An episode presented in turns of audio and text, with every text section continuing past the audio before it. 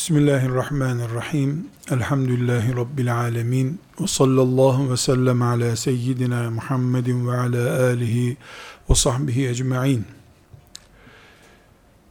Bugünkü hayatımızın belki de dikkatten kaçan en önemli sorunlarından birisini ele alıyoruz. Diyoruz ki, bir dünya ahiret dengesi kurmak zorundayız. Dünyayı tepeleyip atmak çare değil, ahireti kazanmak için dünyadan kaçmak diye bir şansımız da esasen yoktur. Rabbimiz bizi bu dünya toprakları üzerinde imtihan etmeyi murad etmiştir. Biz Rabbimizin bizim için takdir buyurduğu bir imtihan çeşidi dışında kendi kendimize seçenekler üretemeyiz. Yaparsak yanılmış oluruz. Rabbimiz bize namazı emrettiği gibi yemek yemeyi de bir tür emretmiştir. Çünkü namaz kılmak için yemek yiyor olmak lazım. Bir insan ben ileride günah işlemeyeyim diye intihar edebilir mi? Ederse maazallah cehenneme düşer. Niyeti çok temiz. İşte yaşadıkça günaha düşüyorum. Bari intihar edeyim, kendi canıma kıyayım dese iyi bir iş yapmış olmayacağı gibi en kötü işi yapmış olur. Tıpkı bunun gibi müminlerin dünyayı yok sayarak Müslümanca bir hayat yaşamaları da mümkün değildir. Tıpkı insanın intihar edip günahlardan kurtulayım derken en büyük günahlardan birini işleyip belki de ebedi cehennemde kalacak maazallah büyük bir hatayı işlemesine benzer bu. Müminler bireysel olarak da intihar edip e, cehennemlik işler yapmaktan korunamazlar. Toplum olarak da dünyayı ihmal edip Allah'ın razı olacağı bir ahiret hayatı yaşayamazlar. Resulullah sallallahu aleyhi ve sellem Efendimizin hayatı bu böyleydi. Ashab-ı kiram örnek nesil böyle bir hayat yaşadılar. Nasıl hayat? Dünya ile ahireti yerli yerine oturtarak. Ne dünyanın kölesi oldular, ne de dünyayı yok saydılar e, Kur'an'ımızdan yüzlerce ayet, yüzlerce ayet, Allah'ın peygamberinin hadislerinden binlerce hadis, dünya ile ahiret arasında bir denge kurulması gerektiğini bize emretmektedir. Bizim şahsi kanaatimizin bu alanda hiçbir değeri yoktur. Yani biz böyle düşünüyoruz e, ya da filanca böyle düşündü diyemiyoruz. Üçüncü defadır bir konuyu tekrar ediyorum. Mesela Rabiatül Adeviye isimli bir kadın var. Vakıa bu.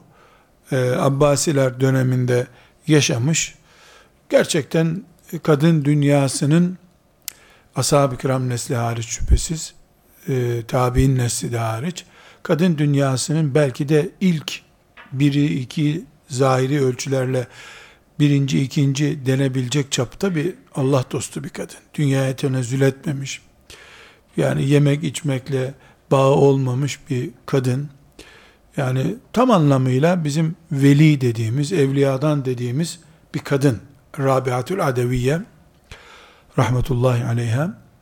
Şimdi onun hayatına dair bir kısmı e, sonradan icat edilmiş menkıbeler var. Ama esasen realite olan, gerçekten yaşadığı menkıbeler var ki, yani bugün bizim filmini bile seyretsek inanmayacağımız şeyleri takvalık adına, zühd adına yapmış. Şimdi e, kadınlar mesela Rabiatül Adeviye'yi örnek alıp bundan sonra biz onun gibi zühd hayatı yaşayacağız. Börek yok, poğaça yok, dantel yok, ganevize yok, temizlik yok, deterjan yok, ziyaret yok, çeyiz yok, gelinlik yok diye bir hayat ihdas etseler, bunu da Allah rızası için Rabiatül Adeviye'ye örnek aldık. Onun için Yani o nasıl olsa Allah dostu örnek aldık. O örneklikle biz e, bunu yapıyoruz deseler çok dikkatli dinlemenizi rica ediyorum. Bununla yüzde yüz Allah'ın razı olacağı bir iş yapmış olmazlar. İki nedenden dolayı. Bir, Rabiatül Adeviye, Harun Reşid'in e, İslam topraklarına şeriatı tatbik ettiği, İslam'ın tam anlamıyla devlet olduğu bir zamanda yaşamış. O zamanı kim bulursa çekilsin bir mağarada sabaha kadar namaz kılsın. Şimdi ise fert olarak ve cemaat olarak dinimizi korumak ve yaymak herkese farz hale gelmiş bir zamanda yaşıyoruz biz. Harun Reşid'in zamanında değiliz. İnternet zamanındayız biz. Kaçarak bir düşman yok edilemiyor. Düşmandan ne kadar kaçarsan düşman o kadar mağlup oluyor diye bir kural var mı? Üzerine gitmen gerekiyor. Aksi takdirde nesiller şeytanın ağına mahkum kalıyorlar.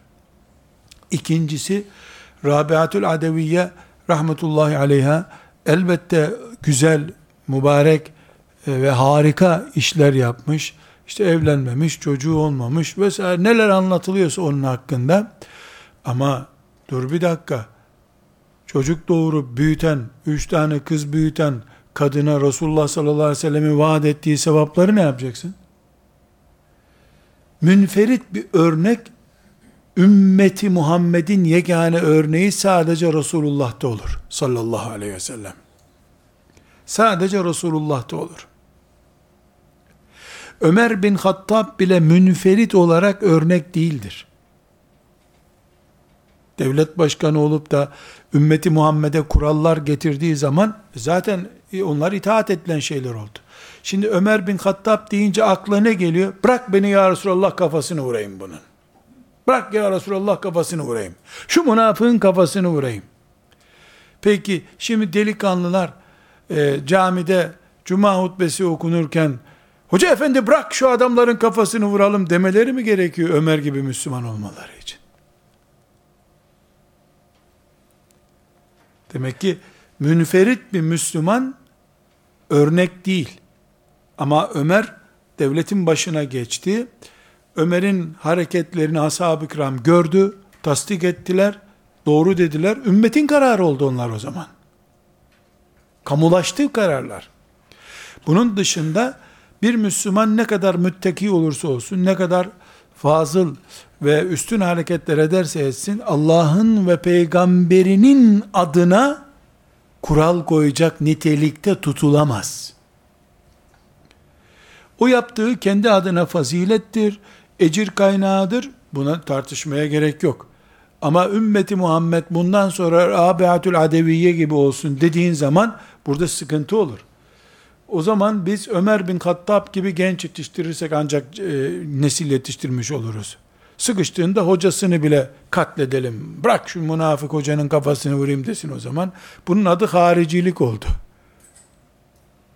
Ashab-ı kiramı biz bir bütün olarak bir tablonun birleşmiş parçalarla bütün haline gelmiş şekli olarak gördüğümüz zaman ashab-ı kiram bizim için mübarek bir nesildir. Her biri kendi çapında Ebu Zer radıyallahu anh başta olmak üzere farklılıklarıyla mübarektirler, değerlidirler. Her biri o farklılıkla Rabbine kavuşmuştur ama örnek Resulullah'tır sallallahu aleyhi ve sellem ve onu olduğu gibi Resulullah sallallahu aleyhi ve sellem olduğu gibi nesil olarak yaşayan ashabı kiramdır. Bu noktayı üçüncü defadır tekit ediyorum. Neden? Çünkü bir kişinin peşinden gitmek kolay geliyor nefse. O sarı giydi biz de sarı giyelim. Sarığını sağdan sarkıtmıştı sarığına kuyruk yapmıştı. Tamam biz de öyle yaptık. Bir kişinin taklidi kolay. 40 izin bulunduğu bir kar üzerinde senin kendi izini sürmen çok zor. Koca vadide iki tane ayak izi var. Tıpış tıpış ondan gidiyorsun zaten. İz sürme sorunun yok ki aynı izlere basarak gidiyorsun. Ama bir sürü izin bulunduğu bir ortamda sen iz bulup gitmen çok önemli.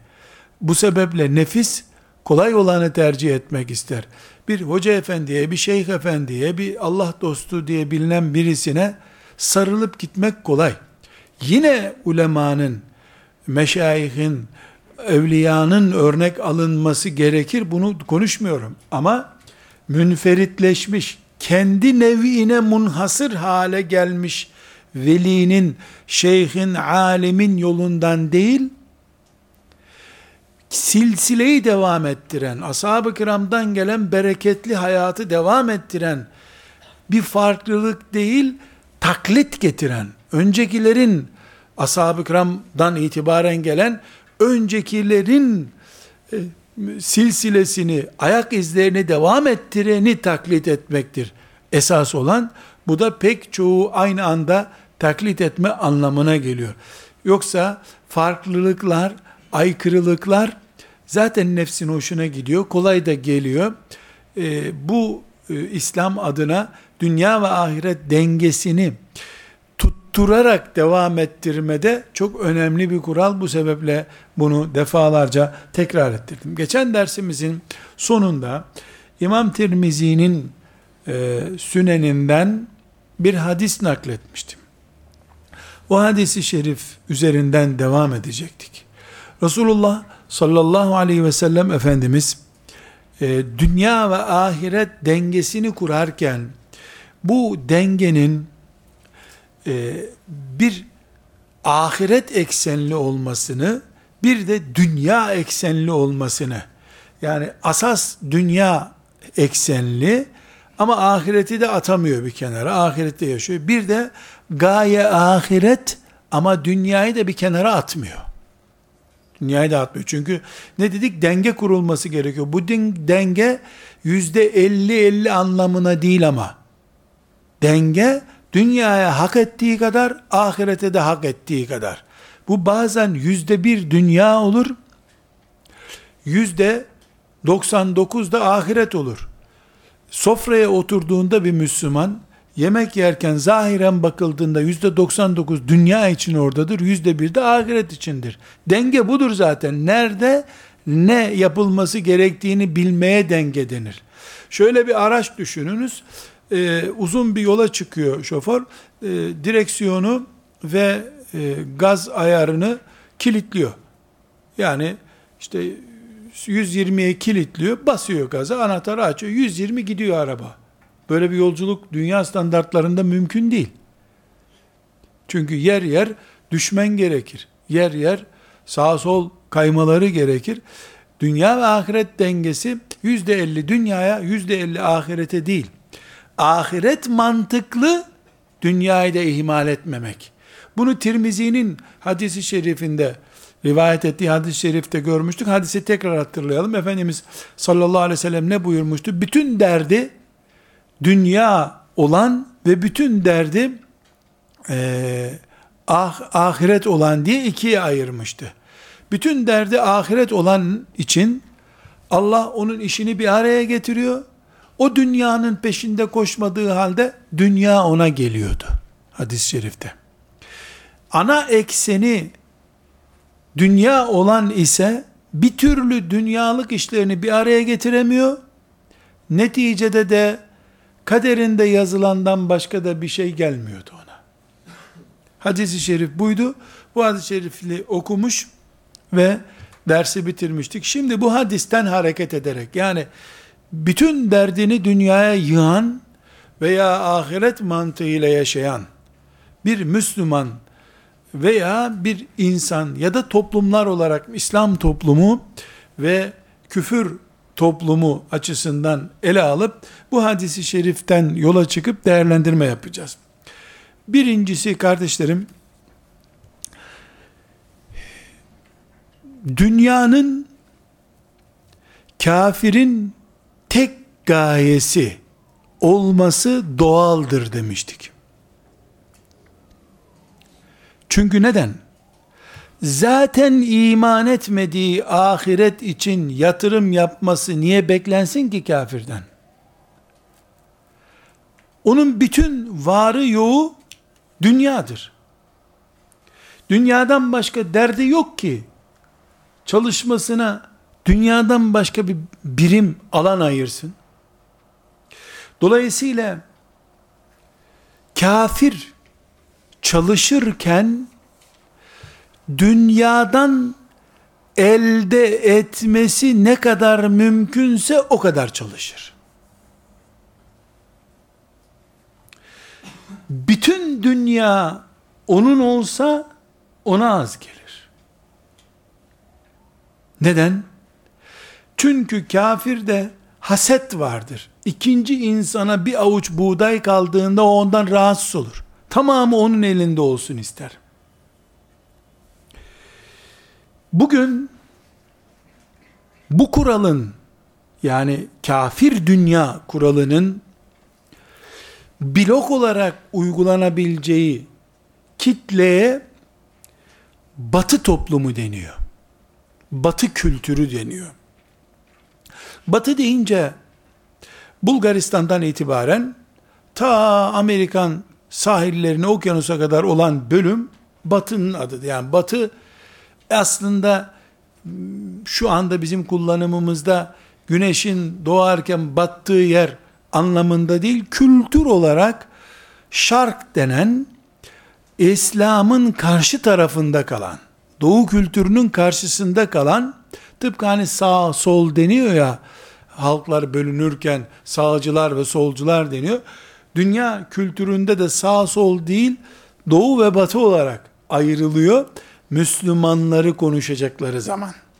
Batı kültürü bugün bahsettiğimiz dünyayı tek var olma yeri olarak gören anlayışın yaşadığı yerdir.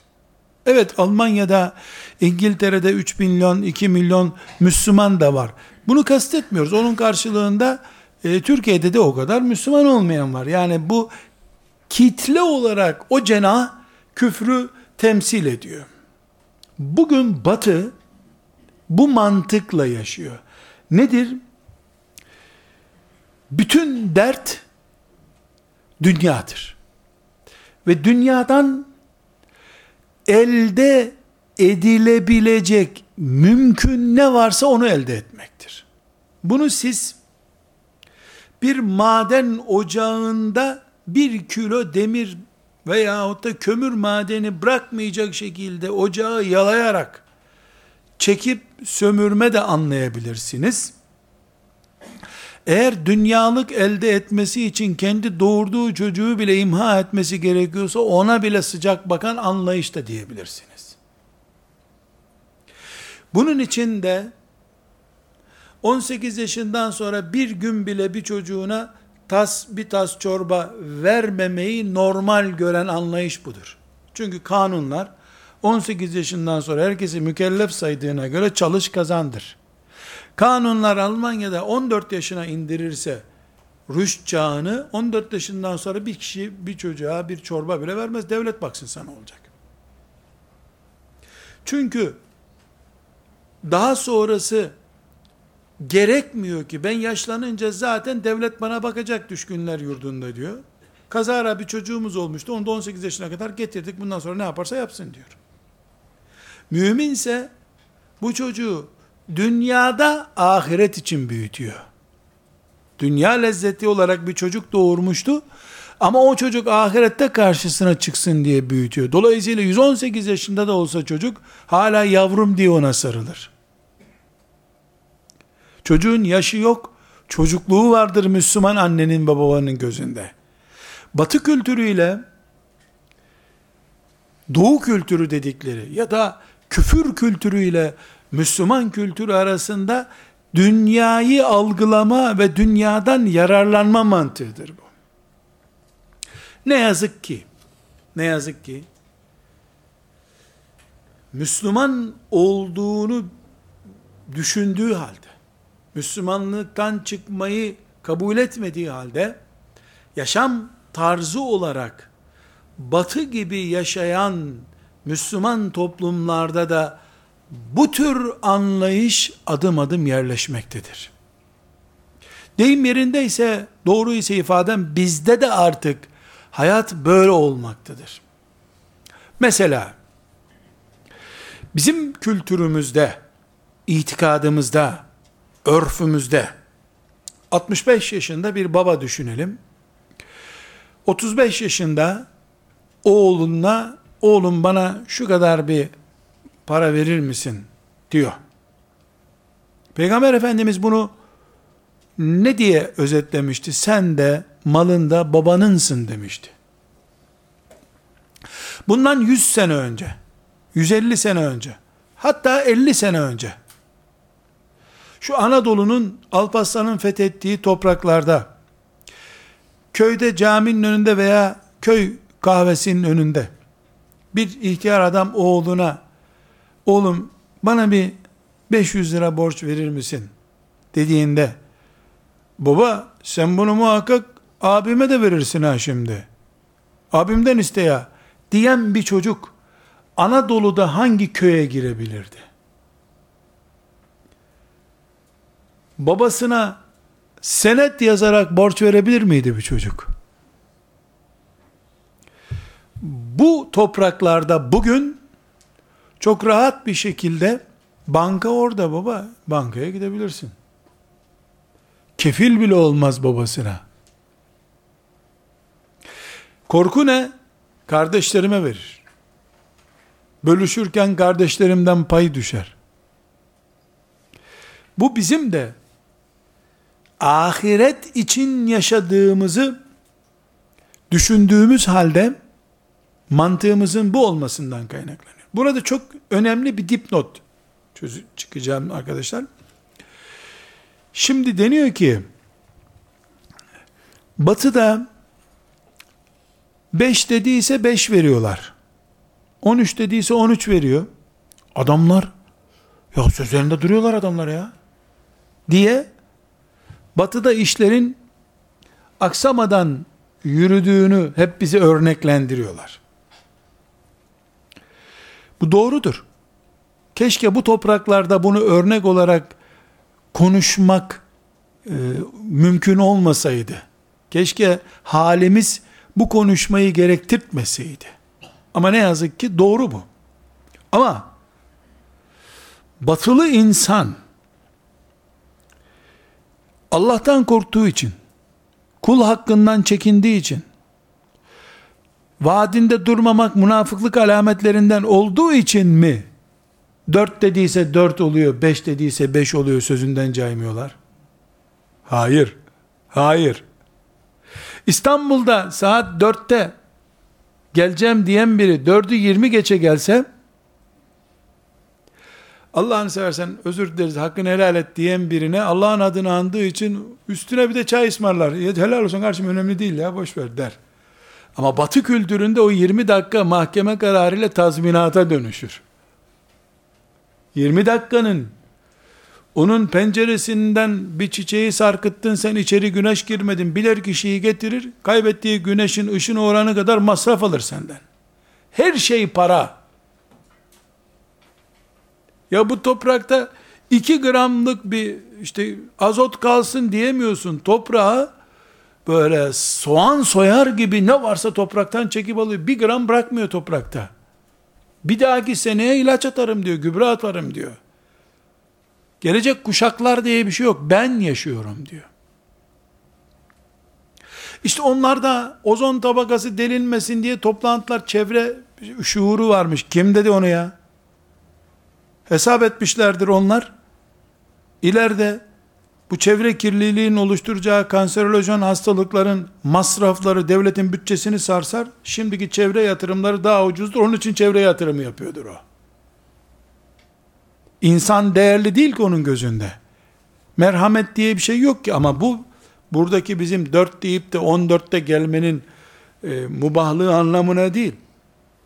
Ayrı bir mesele. Keşke biz burada darbe mesel konusu olmasaydık. Müslümanlar olarak. Batı tam bu hadisi şerifteki gibi tek dert dünya mantığıyla bir hayat yaşar. Bu yüzden her yerden önce işçi sendikaları batıda çıkmıştır. İşçi sendikaları çıkmıştır. Karşısında da işveren sendika kurmuştur. İkisinin üzerinden de birileri geçinmiştir hep. Başka türlü kimse kimsenin hakkına riayet etmesi mümkün değil. İşçi sömürülür aksi takdirde. Buradan kardeşlerim, Efendimiz sallallahu aleyhi ve sellemin bir cümlesine bizim defaatlerce inceleme maksadıyla bakmamız lazım. Nedir o? Şimdi batı bu mantıkla yaşayınca ya da batıya özenen Müslüman toplumlar bu mantıkla yaşayınca işleri iyi mi gidecek acaba? Hayır, kesinlikle iyi gitmeyecektir. Neden? Hadis-i şerif ne diyor? Hiç iki yakası da bir araya gelmez onların diyor. Ama on binlerce, yüz binlerce avukat da iş ve işveren kavgalarından geçimini sağlayacağı için kurtların arasında çakallara da iş düştüğünden kurtları kovalayan tilkilere de iş düştüğünden herkes halinden memnundur da batı şanlı şöhretli gözümüzün önünde bir tablo gibi izlenmektedir. Nüfuz edildiğinde sosyal yapısına çökmüş, kadınların doğurmak istemediği, insanların eşlerine, hanımlarına bir dilim ekmek götürmeyi bile angarya gördüğü, doğurduğu çocukları insanların çocuk evlerine bıraktığı, kimsenin kimseye bir yeşil ışıkta 5 dakika sonra ben giderim diye bekleme toleransı göstermediği bir toplum batı toplumudur. Efendim yayan, yayalar geçerken kimse geçmiyormuş. Burada da yayaya dokununca 20 sene hapis cezası velev ki yayaya bir şey olmasın koysunlar. Maaşı kadar trafik cezası koysun bak bakalım yaya yokken bile kimse geçmez yoldan. Yani bu insana merhametten mi yoksa trafik cezalarının işçi maaşlı kadar ağır olmasından mı kaynaklanıyor?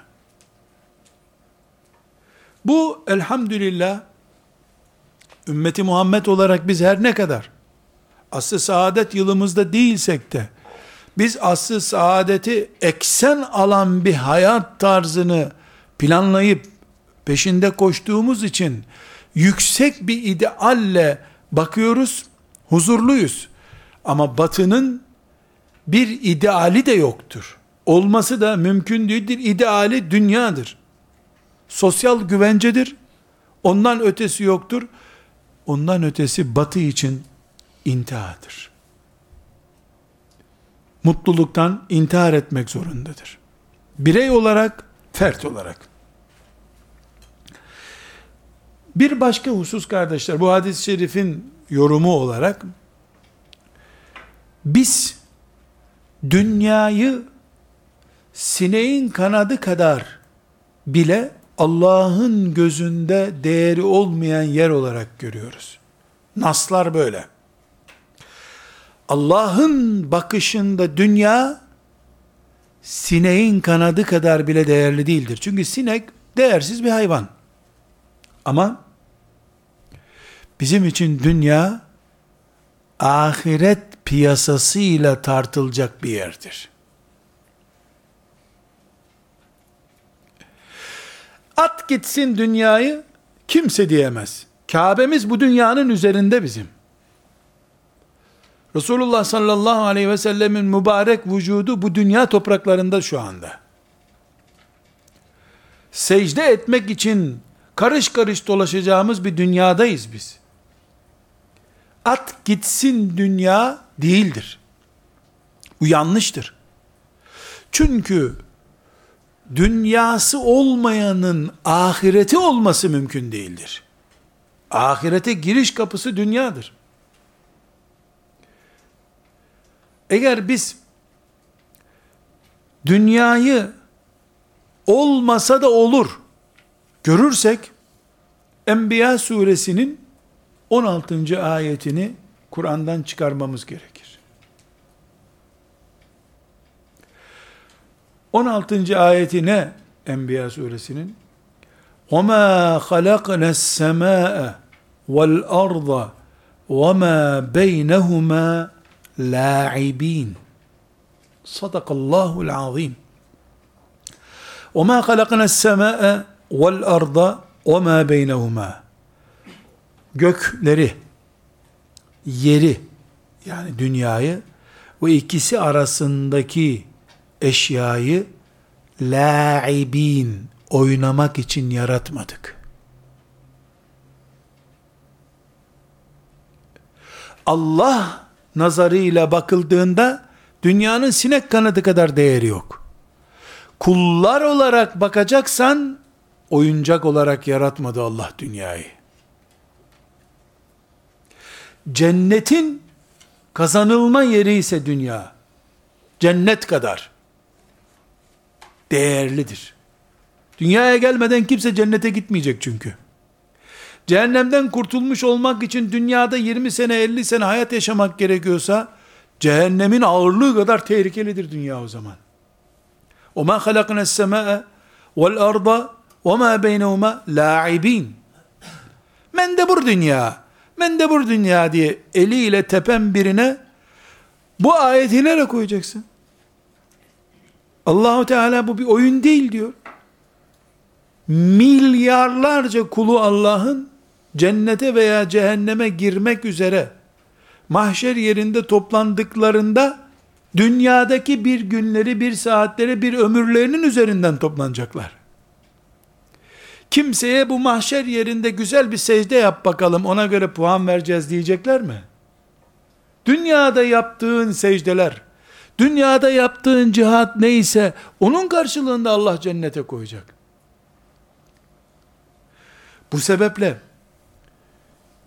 dünyayı biz ahiretin kazanılma yeri olarak görüyoruz. Ahiretin kazanılma yeri olan dünya ahiret kadar gözümüzde değerli olur. Ama ara tampon bir bölge olduğu için yoksa aslında kıymetli olduğu için değil. Allah cennete kıymet veriyor. Ahiret kıymetli. Ama orayı dünyaya bağlıyor. Biz dünyayı fani biliyoruz. Tıpkı ne gibi? Ben köyüme gitmek istiyorum. Ama at arabası ile gideceğim. Bir atın çektiği at arabası ile gidiliyor benim köyüme. Değerli olan benim köyüm. İster at arabası olsun, ister eşek arabası olsun, ister füze olsun. Beni köyüme ulaştırsın. Hedef cennettir. Ama bu cennete dünyadan başka gidilecek bir kapı yoktur. Binip giderim, onu da salarım yamaçtan aşağıya. Dünya da böyle. Madem Rabbimiz bizi bu dünyaya bu şartlarda getirdi ve cennete gitme ya da cehenneme gitme fırsatlarını, tuzaklarını hep bu dünyaya koydu. Biz cennet ve cehennem olarak dünyayı görürüz. Bunun için kafirlerin elinde iken dünyanın yönetimi bizi bunlar cennete gidecek şartlarda yaşatmazlar diye onların elinden alınmış muvahhid müminlere teslim edilmiş bir dünya oluncaya kadar dünya cihat yaparız. Yapmak zorundayız. Burada arkadaşlar Kur'an-ı Kerim'den ayetler zikretmek istiyorum. Fırsat bulduğumuzda bu mantıkla bu ayetlerin tefsirlerini okuyabilirim. Kendinden de zaten anlaşılıyor ama özellikle tefsirinden de okuyabiliriz. Kehf suresinin 7. ayeti. İnna cealna ma alel ardı zineten leha linebluvehum eyyuhum ahsenu amela. İnna cealna ma alel ardı dünyada görülen her şeyi zineten leha. Onun bir süsü olarak yarattık biz. Ne görüyorsun dünyada? Irmaklar, vadiler, para kazanan insanlar, ziraat, mahsuller, fabrikalar, binalar, köprüler, siyaset, ticaret ne görüyorsan dünyada zineten leha. Bir süs, bir dekor olarak yarattık. Niye ya Rabbi yarattın? Liyebluvehum eyyuhum linebluvehum eyyuhum ehsenu amela. Linebluvehum sınayalım diye. Sınayalım diye. Eyyuhum insanların hangisi ehsenu amela daha güzel iş yapacak bunu görmek için. Bunca dehşetli yatırım bu dünyada bizim deyimlerimizle konuşalım. Bunca büyük yatırım niye yapılmış? Daha iyi kullarını görmek istiyormuş Allah da ondan. Halbuki biz vadileri, ovaları, fabrikaları vesaire vesaire dünyanın fitnesi uzak dur diye anlıyoruz. Kehf suresinin 7. ayeti bunları kulluk sınavı olarak koyduğunu Allah'ın gösteriyor. Dünyanın kendisi bir imtihan, içindeki her şey de bir imtihan. Fakir sahabiler de bu imtihanı kazandılar. Abdurrahman İbni Avf gibi zengin sahabiler de Allah hepsinden razı olsun bu imtihanı kazandılar. Zenginliği veya fakirliği, varlığı yokluğu, soğuğu sıcağı linebluvehum eyyuhum ehsenu amela için. Kim daha güzel iş yapacak onu görmek için. Dünyada gördüğümüz şirin bir kedi oynuyor insanla. Bir şey atıyorsun geliyor. Ne kadar güzel şey yaratmış Allah deyip gidecek değil. Kulluğumuzla bir bağlantısı var onun bir yerde. Biz henüz idrak edememişizdir.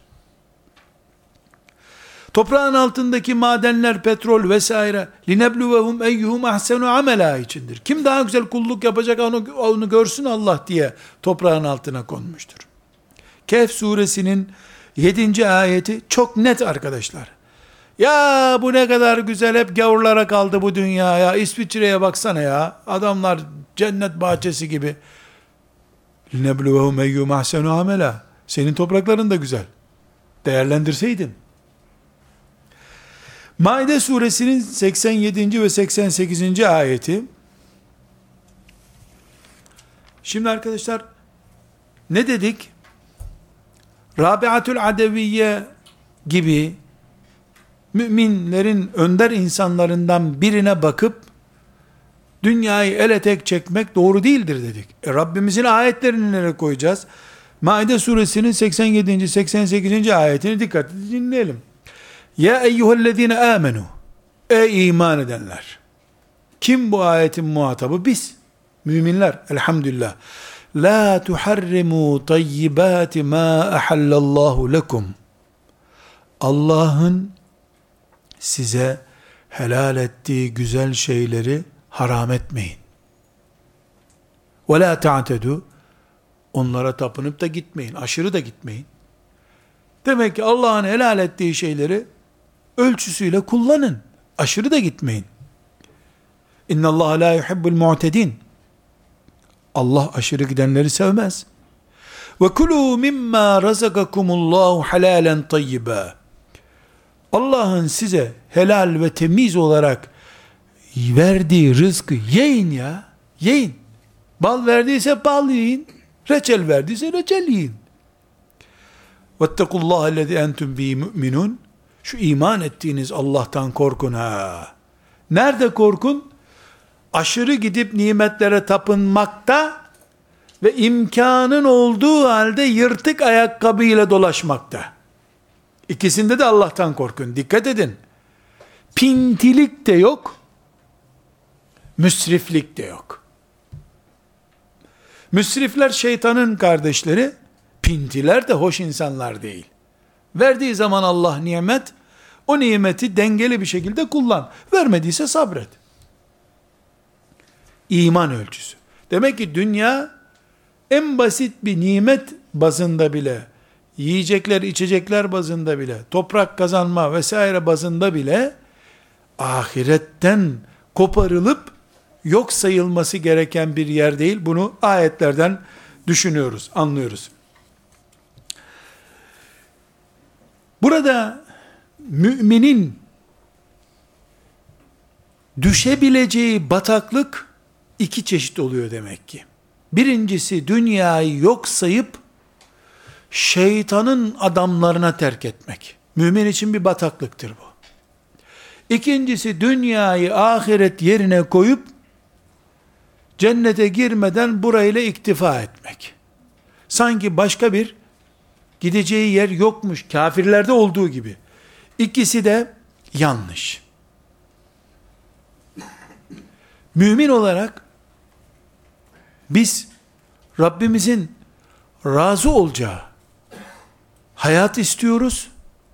Elbette dünyayı tek merci olarak görmüyoruz ama dünyada secde edilmeyen Allah'ın dininin cari olmadığı bir karış yer kalmasın da istiyoruz. Dengemiz budur. Burada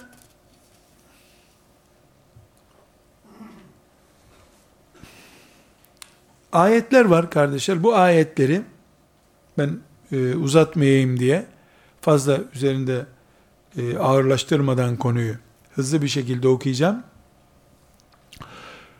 Kafirler dünya hayatı üzerinde bir yatırım yapıyorlar. Müminler yatırım yapıyorlar. Kafir ilah ediniyor dünyayı. İlah, onun için ilah. Her şeyi, sosyal güvencesi, diploması, evi, iş yeri, otobüsü, neyse dünyada ne arzu ediyorsa o onun ilahı. Mümin böyle yaparsa helak olur diyoruz. Bu tarafta da mümine dengeli, makul bir şekilde dünyaya sahiplen diyoruz. İki ayet kafirlerin bu mantalitesini anlatıyor. Hud suresinde ve En'am suresinde onları konuşalım. İki ayette müminlerin dengeli dünya siyasetini anlatıyor. Hud suresinin 15. ayeti Batı dünyası dediğimiz kafir mantığıyla dünyayı algılama anlayışı Men kâne yuridul hayâted dünya ve zîneteha nuvaffi ileyhim a'mâlehum fîhâ ve hum fîhâ lâ yubgasûn. Daha önce bu ayeti okumuştuk. Kim dünya hayatına yatırımını yaparsa onu ona veririz. Dekoruyla veririz.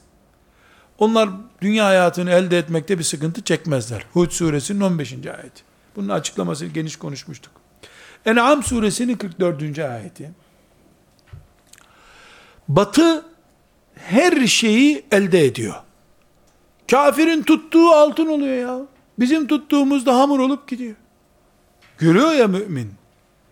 En'am suresinin 44. ayeti bunun gerekçesini açıklıyor. Batı kim?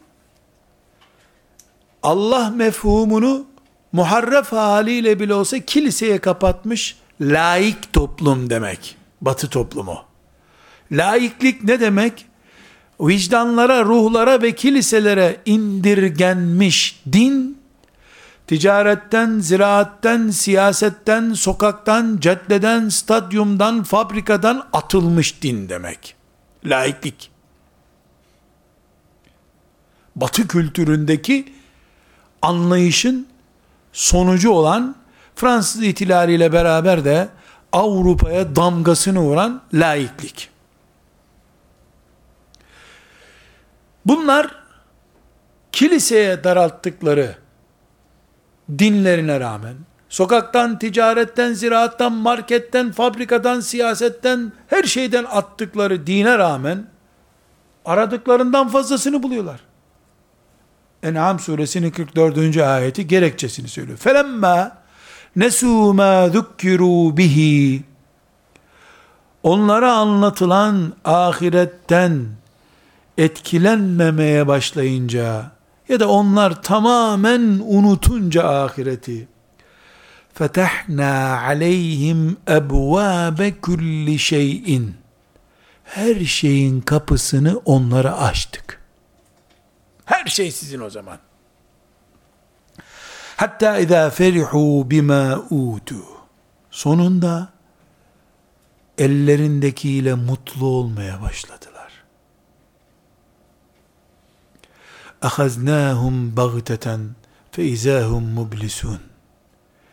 Bir de ansızın onların işini bitiririz her şey ellerinde ayaklarına karışır. Çok açık bir şekilde yok Allah dedin mi? Allah kiliseye daraltılmış bir dinin ürünü olarak kaldı mı? Bütün kapılar sana açık. Aradığından fazlası. Bu Hud suresinin 15. ayeti, En'am suresinin 44. ayeti, dünyanın batısındaki ve batı kafalıdaki bolluğun, bazılarına göre mutluluğun nedeni ve Allah tarafından onlara verildiğinin belgesi bunlar. Biz diyoruz ki, insanlar yani diyorlar ki, ya adamlar var ya her şeyi yerli yerine oturtmuşlar. Adamlar düzen var adamlarda ya. Ya şöyle işliyor böyle işliyor diyoruz. En'am suresi de diyor ki onlar umut kesilmiş dinlerinden imanlarından umut kesilmiş kimse olunca biz verdik her şeyi onlara diyor. Allah biz verdik bütün bu zenginliği onlara diyor. Onları dışarıdan seyreden imanı zayıf kitleler de adamlar her şeyi iyi yaptılar diyor. Sadece paketin üstüne bakınca batı iyi yaptı oluyor.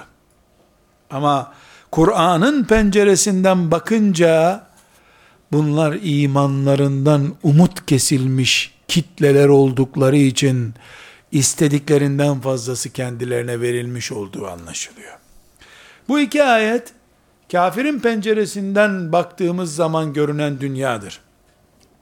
Mümin penceresinden bakmak gerekirse mümin insan yeryüzünde dünyadan nasibi olmayan insan mıdır? Çünkü onlar umut kesilince imanlarından yüzde yüz her şeyin sahibi oldular. Mümin insan yüzde yüz imanlı olunca dünyadan nasibi mi koptu bunun ters tarafı olarak? Hayır. E'raf suresinin 32. ayeti, Kasas suresinin 77. ayeti bir denge kuruyor. Ne kuruyor bu dengede? A'raf suresinin 32. ayetinde Kul de ki ey peygamber Men harrame zinetallahi alleti ahrece li'ibadi ve tayyibati minel risk Allah'ın şu kulları için çıkardığı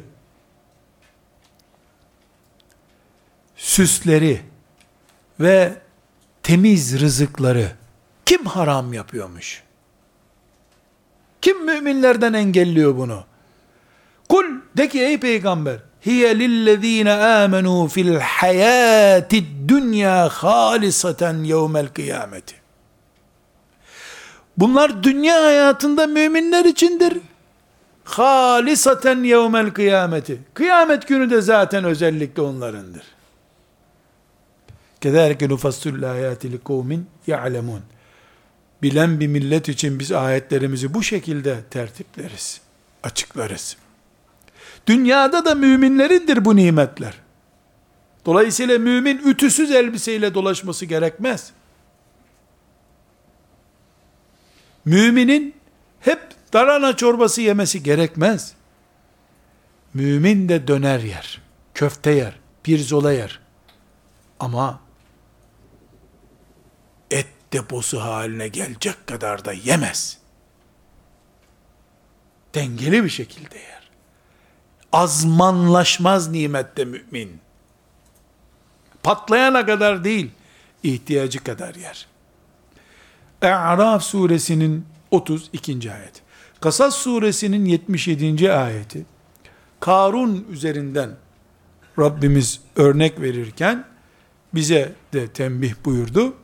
وَابْتَغِي ف۪ي مَا آتَاكَ اللّٰهُ الدَّارَ الْآخِرَةَ Allah'ın sana verdiği şeylerde ahiret hayatını ara sen. Ana eksenin bu olsun. وَلَا تَنْسَ نَصِيبَكَ مِنَ الدُّنْيَا Dünyadaki nasibini de unutma. İşte denge bu. Bütün himmetin, gayen, enerjin ahiret üzerine kurulu. Ama dünyadan nasibini unutmak yok. Sen de çoluk çocuğunla oturup bir zola yiyorsun. Senin de evin müreffeh olabilir. Ama ahiret için yaşayacaksın. Ana eksen yön ahiret yönü olacak. Bu da Kasas suresinin 77. ayeti. İki ayet okuduk. Bu iki ayet kafirlerin neden bu dünyada her şeyin sahibi gibi durduklarını gösterdi. İki ayette okuduk. Bu iki ayette müminlerin şu dünyada bir denge üzerinden dünyayı da sahiplenmeleri gerektiğini öğretti bize. Burada kardeşler,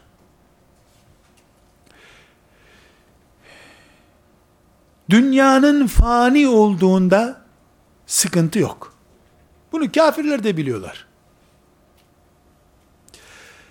Bir yolcu olduğumuzu hepimiz biliyoruz.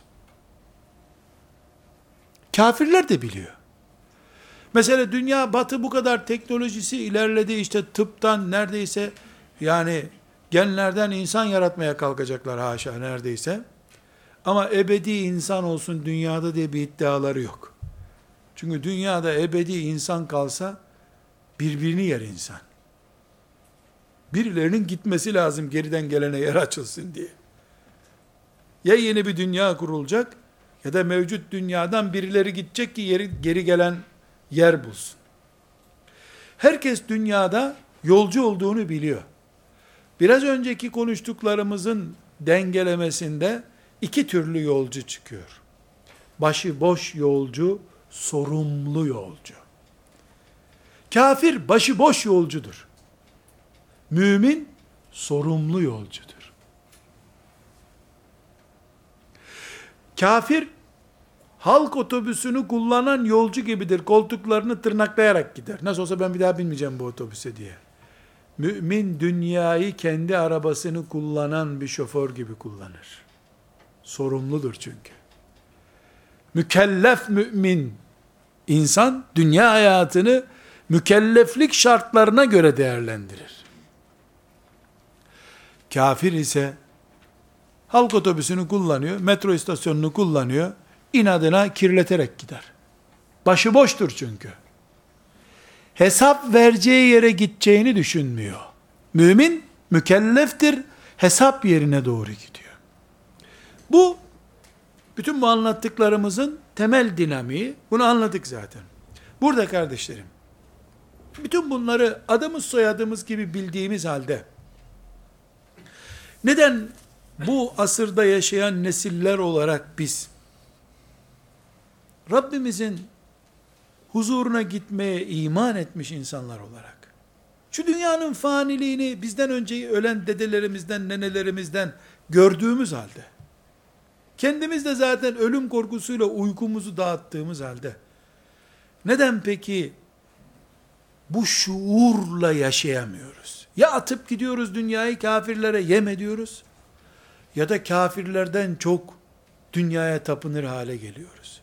Şu dengeyi niye bulamadık?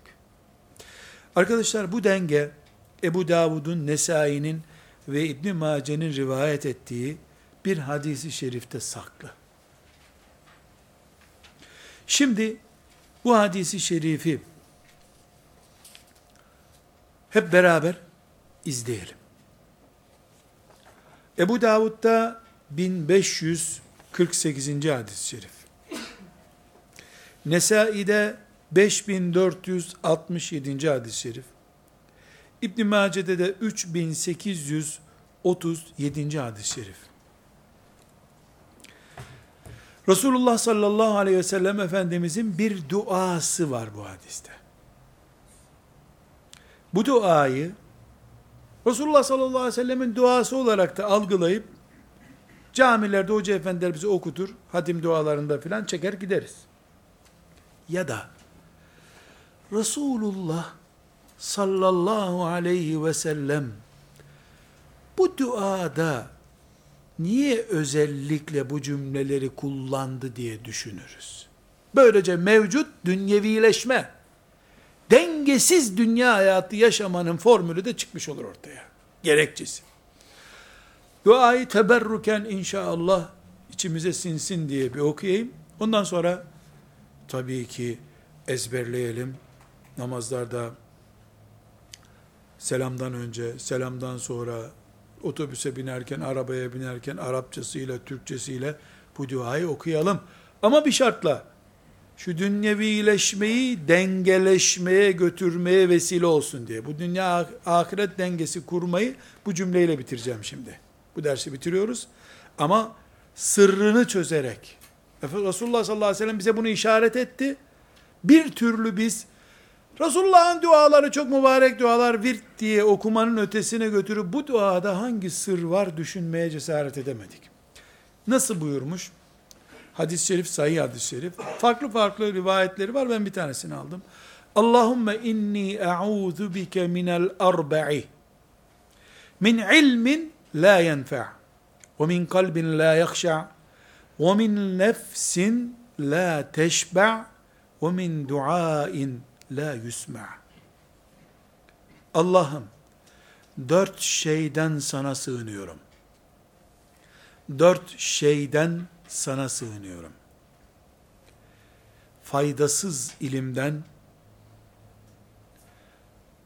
Allah korkusu taşımayan kalpten, doymayan mideden, kabul olmayan duadan.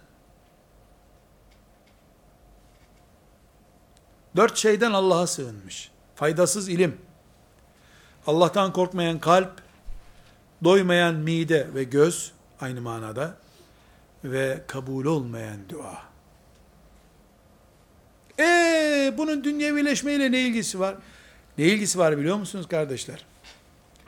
İlim sadece hafız olmak için, sadece ilmihal okumak için, sadece derse katılmak için olunca, amel için olmayınca Allah'tan korkan kalp çıkmıyor ortaya. Doymayan gözün midenin sahibi isen o aç karınla kabul olacak dua yapamıyorsun. Allah korkusu oturmamış, duası kabul olmamış Müslümansın. Sen dünyaya meyletmeyeceksin de kim meyletecek? Namaz kılarken bile Allah korkusuyla hareket etmeyen bir bedenin sahibinin ahiret eksenli bir hayat kurması mümkün mü? Demek ki bugünkü nesillerin faydalı ilim siyaseti gütmesi lazım artık. İlimler kitap devirmek için değil. Hangi yazar daha meşhur onun kitabını almak için değil. Kitabı okuduktan, o ilmi elde ettikten, o dersi gördükten sonra hayatımda değişiklik var mı yok muya göre ölçülen ilim ve kitaptan söz ediyoruz. Buna fıkıh da dahil. Akide kitabı okuyorsun, akide ilmi okuyorsun ama hangi mezhep haklı hangisi haksız bunu öğrenmek için, Allah'a daha yakın olmak için değilse zararlı bir ilim. Dört, Allah'a sığınılmış şeyden birisini sen yaptın. Resulullah'ın Allah'a sığındığı bir bela bu. Sen onunla övünüyorsun. İlahiyat diploman var. İlahiyat diploması almışsın Ebu Hanife ile cedelleşmek için. Seni Allah korkusundan camiye bile gönderemeyen şeye ilim diyorsun sen. Ve kolesterolün yükselmiş, göbeğin yağ bağlamış, enselerin şişmiş, gözün aç. Göz açlığının en büyük belgesi nedir biliyor musunuz kardeşler? Devlet 20 tane memur alacaktır bir yere, 20 bin kişi müracaat eder. Anneler babalar çocuğunu memur yapmak için vermeyecekleri şey yoktur. Öküzünü de satar, e, tarlasını da satar, memur olsun çocuğu diye. Memur olduktan sonra bir hafta sonra devlet geçindirmiyor bizi. Zam yapmıyorlar. Aç sefil propagandaları başlar bu sefer. Ya memur olmak için her şeyini vermiştin. Hani bu memurluk bu kadar kıymetliydi? Doymayan gözden Resulullah Allah'a sığındı. Demek ki dünyevileşme iki şeyden kaynaklanıyor. Ya da ahiretle dünyayı dengede götürememek iki şeyden kaynaklanıyor. İlimlerimiz faydasız ilim oluyor. Ansiklopedik bilgi öğreniyoruz sadece. Midemizi değil, gözümüzü doyurmamız gerektiğini anlayamadık hala. İlim orijinal, tatbik edilecek, ilaç gibi kullanılacak ilim olmayınca kalpler Allah'tan kopuk yaşıyor. Huşu yok. Namazda bile kaşınan Müslüman oluyorsun bu sefer. Ve gözümüzün doymadığı sofralardan kalkıyoruz. Cebimiz para doluyor, hırsımız bitmiyor. Neticede de aç ve doymamış gözlerin sahipleri olarak Ya Rab deyip iki damla gözyaşı akıtamıyoruz. Bugün başımıza gelmiş olan ana musibet budur kardeşler. Gözümüzün doymama sıkıntısı. Daha önce defalarca okuduğumuz hadis-i şerif var. Burada bir kere daha hatırlatacağım hadis-i şerifi. Bukhari'de 4015. hadis-i şerif, Müslim'de 2921. hadis-i şerif. Efendimiz sallallahu aleyhi ve sellem ne buyurmuştu? Sizin fakirlik sıkıntısı çekmenizden korkmuyorum. Dünyanın kapılarını size açmasından ve dünya üzerinden birbirinizle boğuşmanızdan korkuyorum. Sizden önceki ümmetler de böyle helak olmuşlardı zaten. Böylece kardeşlerim, sözümüzü toparlayacak olursak, dedik ki, bir Müslüman olarak, dünya ve ahireti dengede götürmemiz lazım. Bu denge 50-50 anlamında değil. Yer yer dünya yüzde 99 olur, ahiret yüzde bir gibi görünür orada. Yatak odasında öyle görünür. Mescitte ise tam ters görünür. Oruçta tam ters görünür, sofrada öbür türlü görünür. Mümin denge üzerinden Resulullah'ı esas alarak sallallahu aleyhi ve sellem ashab-ı kiramı esas alarak müştehit imamların fıkıhlarını esas alarak dengeli bir hayat yaşar mümin. Bu dengeyi kaybederse suç işlemiş olur. Çünkü kafire kalır dünya. Kafirin elinde dünya Allah'a isyanın ham maddesi olarak kullanılır. Bunu da mümin öder bedel olarak. Hem kendi hayatında öder hem gelecek kuşaklara küfür ağırlıklı bir atmosfer bıraktığı için Allah katında mesul olur. Bu bir şuur meselesidir dedik. Kur'an böyle emrediyor. Ayetler okuduk. Hadis-i şerifleri okuduk. Resulullah sallallahu aleyhi ve sellem Efendimizin Tirmiz'deki hadisini okuduk. Bu bize mihmandar olsun dedik. Sonra onun açılımına girdik. Dedik ki biz keşke ilmin ne için öğrenildiğini bilseydik, mideden çok gözümüzün doyması gerektiğini anlamış olsaydık, bugün dünya avuçlarımızın içinde olurdu, göğsümüzde, kalbimizde değil dedik.